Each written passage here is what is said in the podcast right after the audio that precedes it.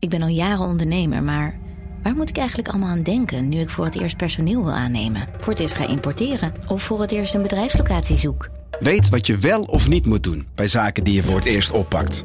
Check kvk.nl voor praktische stappenplannen. KVK, hou vast voor ondernemers.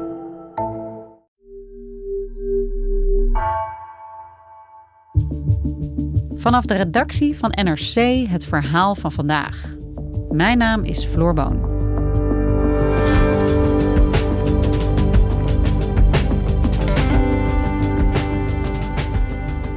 Duitsland heeft een nieuwe regering en een nieuwe bondskanselier, Olaf Scholz. En dat is stukken sneller dan in Nederland. Ruim twee maanden na de verkiezingen presenteerden drie partijen vorige week het regeerakkoord. De plannen zijn ambitieus, maar ook nog niet helemaal ingevuld. Correspondent Nienke van Verschuur vertelt over de belangrijkste koerswijzigingen die we van Duitsland kunnen verwachten.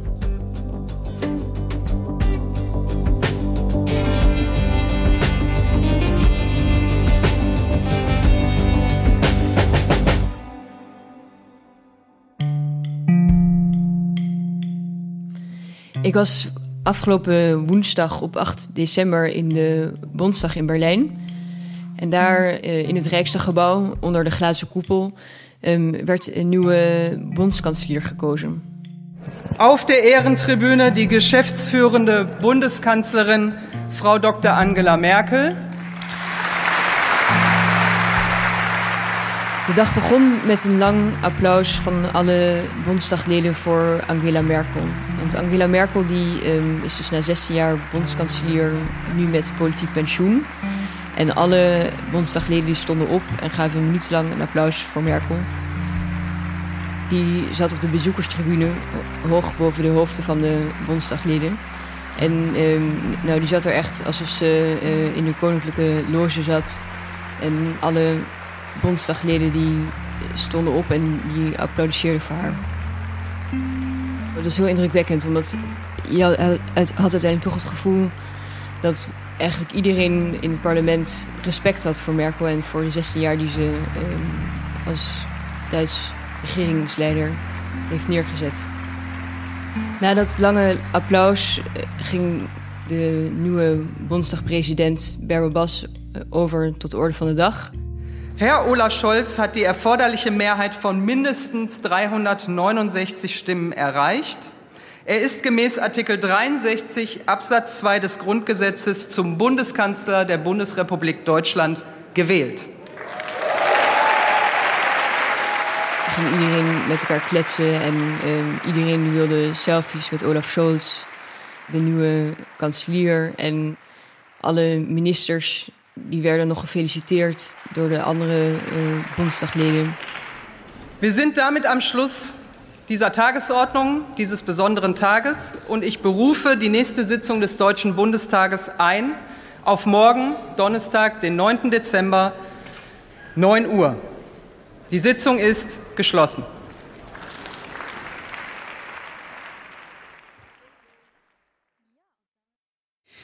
Ja, Nienke, het is een beetje gek om te zeggen misschien, maar gefeliciteerd. Um, want uh, wij staan dan hier in Nederland dan ook wel aan de vooravond van een nieuw regeerakkoord. Het zal uh, waarschijnlijk deze week uh, worden gepresenteerd, maar Duitsland is echt vele malen sneller. En de verkiezingen waren daar bovendien ook nog maar twee maanden geleden.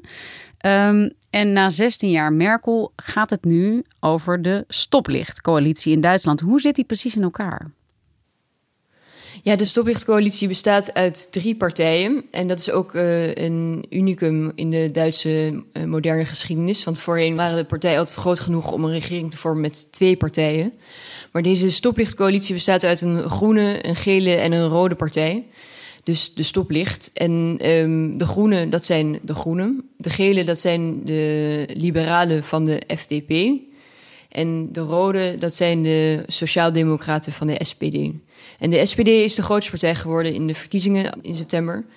En daarmee waren die dus aan zet om de regering te vormen. Uh, de SPD, de, de Sociaaldemocraten, werden dus de grootste en kregen het initiatief uh, bij het vormen van een coalitie. Maar hoe ziet de rest van de regering eruit? De regering um, bestaat uit 16 ministers naast de bondskanselier. Van die 16 zijn er acht vrouwen. En ehm, twee ervan komen uit de voormalige DDR. Dus dat is ook wel opvallend. Um, een ook wel opvallend kleine aantal. En um, de SPD levert dus de bondskanselier, Olaf Scholz. Wat is dat voor iemand? Ja, dat is een uh, goede vraag, want het is een man die moeilijk te peilen is. En hij gaat er ook al heel erg lang mee in het politieke bedrijf. Dus hij is al sinds zijn tienerjaren is hij al lid van de SPD. Hij was generaalsecretair uh, onder kanselier Gerhard Schreuder. En uh, de ouders van Olaf Scholz die waren ook in de Bondsdag op um, woensdag 8 december. En um, een journalist van Boulevardblad Bild vroeg, heeft of heeft met die ouders gesproken. En de vader van Olaf Scholz zei dat Scholz al vanaf zijn twaalfde kanselier wilde worden. Dus um, wat dat betreft is het een droom die eindelijk uitkomt voor Scholz. En wat zijn eigenlijk de belangrijkste en ook de meest opvallende afspraken in het regeerakkoord?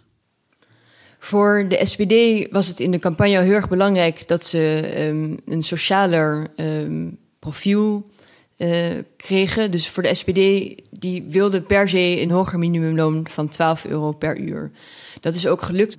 Bovendien um, wilden de Groenen en de FDP, die waren er allebei voor om cannabis te legaliseren. Nou, dat is ook gelukt. Opvallend is ook dat ze de kiesgerechtigde leeftijd willen verlagen naar 16 jaar.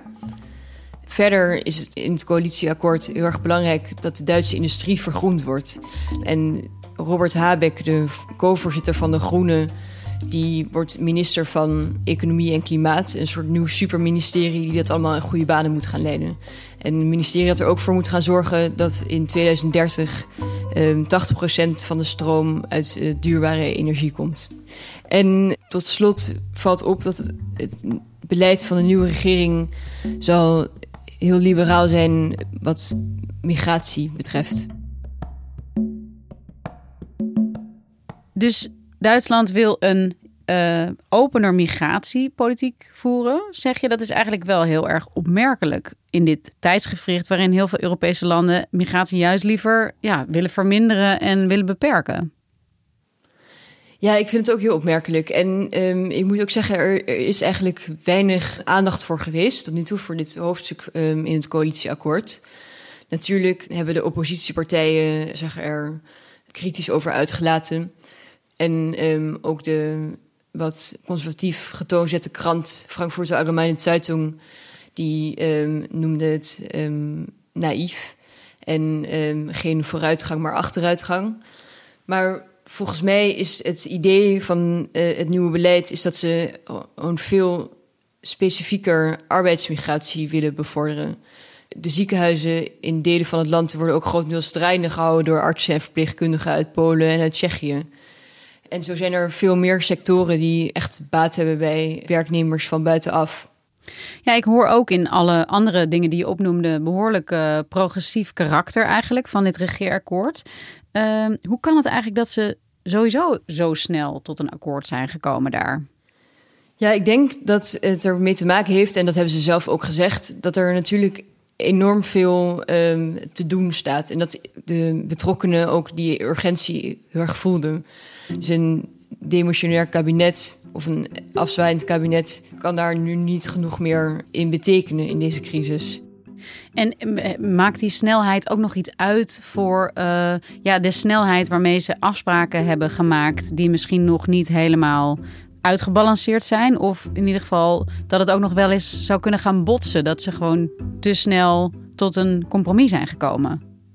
Ja, het kan zeker nog gaan botsen. Ik weet niet of ze te, snel tot een compromis zijn gekomen. Want ze hebben um, toch wel een regeerakkoord van 177 pagina's neergelegd ze hebben er zelf ook echt vooral bewust voor gekozen om niet alles tot in het laatste detail vast te leggen. Want dat maakt de onderhandeling natuurlijk heel erg moeilijk. En er zijn natuurlijk ook onderwerpen en eh, thema's waar je je dan nog verder op kunt vastleggen.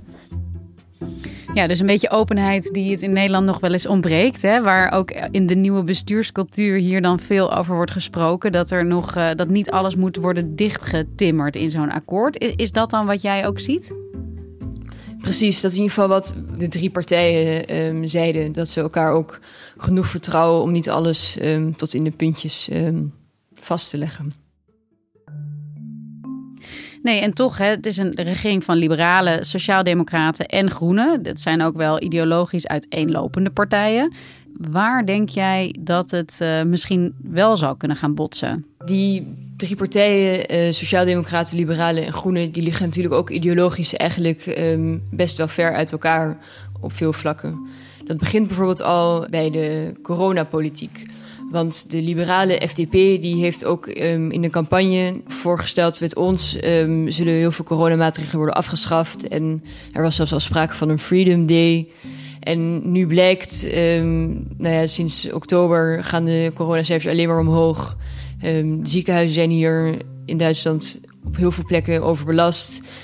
En eigenlijk had de regeringspartij FDP alleen maar nagedacht over um, hoe, hoe alles versoepeld kon worden.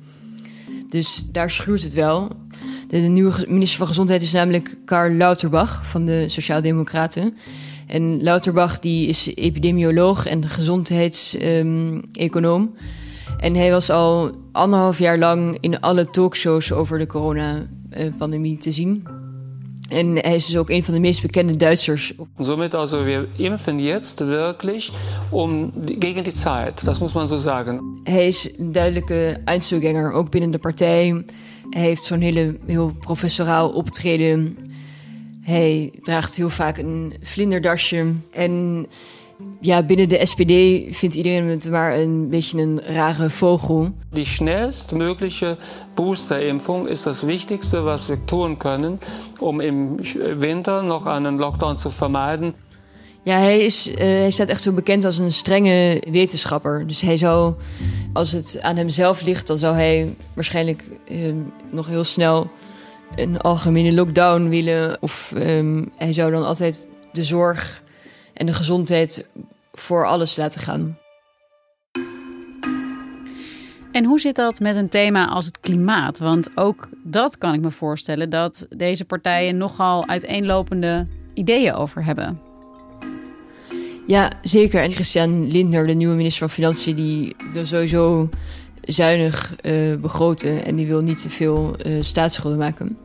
En um, aan de andere kant willen de groenen die willen juist enorm investeren in nieuwe uh, windmolenparken en in verduurzamen van energie. Ja, en, en hier heb je het vooral over de spanning tussen de liberalen en de groenen. Wel, welke positie neemt de SPD hierin?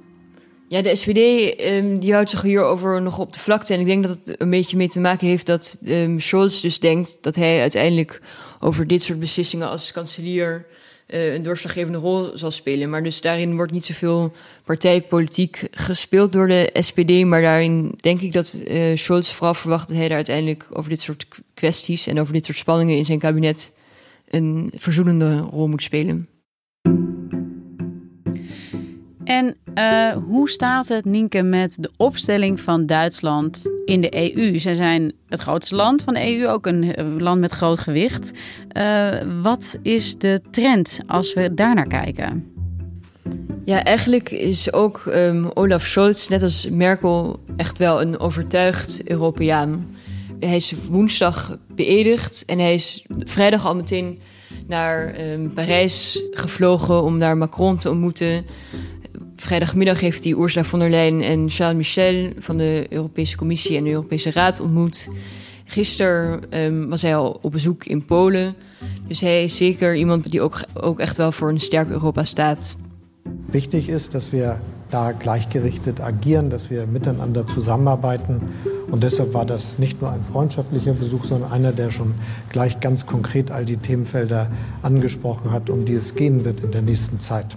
Merkel had natuurlijk een hele bijzondere band met Poetin, want die kennen elkaar ontzettend lang. Merkel sprak Russisch. Merkel had gewoon wel uh, een beetje gevoel voor hoe, hoe Poetin functioneerde. En uh, Merkel had ook heel veel aanzien bij Poetin. Maar iemand als Scholz natuurlijk, die zal ook toch daar weer een beetje bij nul moeten beginnen. En zijn eigen sporen moeten verdienen. En hij zal dan ook merken dat, dat er weinig kan zonder, zonder de Europese partners. Ja, de lakmoesproef, Nienke, is misschien wel de situatie die nu aan het ontstaan is aan de grens met Oekraïne, waar Rusland enorme troepenopbouw doet en waar toch een beetje, nou, waar flinke spanning is en ook de angst dat Rusland misschien Oekraïne gaat binnenvallen. Ehm, ja, hoe verhoudt Duitsland zich daartoe op dit moment? Ja, dat is een um, voor de nieuwe minister van Buitenlandse Zaken en voor Scholz is dat natuurlijk de, inderdaad de grootste eerste test. En um, je ziet daar meteen ook spanningen ontstaan um, tussen de partijen en hun uh, ideeën over de verhouding tot Rusland. En want bijvoorbeeld Robert Habeck, de co-voorzitter van de Groenen, die heeft in het voorjaar nog gezegd dat hij het best een goed idee zou vinden om aan de Oekraïne wapens te leveren om zichzelf te kunnen verdedigen. En de Groenen zijn sowieso voor een hardere koers tegenover Rusland. Nederland kijkt met uh, hooggespannen verwachtingen naar Duitsland. Ook al staat Nederland ook op het punt van een nieuwe regeringsvorming. Maar beide landen hebben te maken met grote uitdagingen waar we het net over hadden. Dus corona, uh, Rusland en de spanningen aan de Oekraïnse grens en het klimaat. Wat verwacht jij van de ambities die Duitsland nu geformuleerd heeft in het regeerakkoord?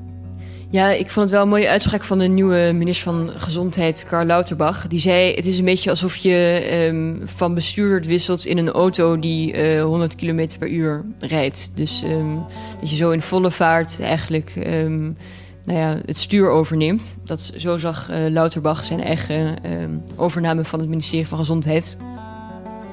En dat geldt natuurlijk wel een beetje voor al die ministers. Nou ja, dat er op veel vlakken een soort crisisstemming heerst. En um, ik denk wel uh, dus dat die ambities de eerste maanden een beetje zullen worden ondergesneeuwd door, door deze acute crisis, zoals coronacrisis, uh, buitenlandse crisis. En dat daar eerst alle aandacht naartoe zal gaan.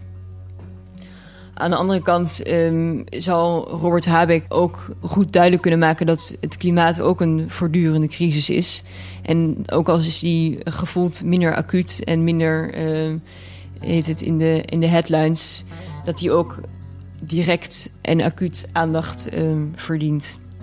Dus ik denk wel dat er met Habeck een heel gedreven en uh, ambitieuze klimaatminister is.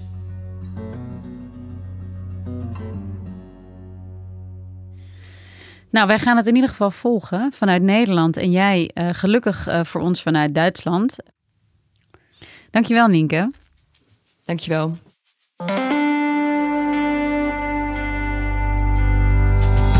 Je luisterde naar vandaag, een podcast van NRC. Eén verhaal, elke dag. Deze aflevering werd gemaakt door Stef Visjager en Jeroen Jaspers. Dit was vandaag. Morgen weer.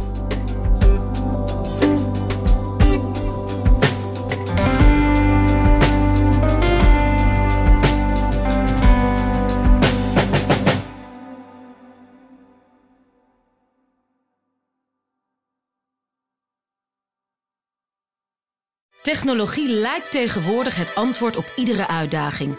Bij PwC zien we dit anders. Als we de potentie van technologie willen benutten, kunnen we niet zonder een menselijk perspectief. Human-led, tech-powered noemen we dat. Ga naar pwc.nl.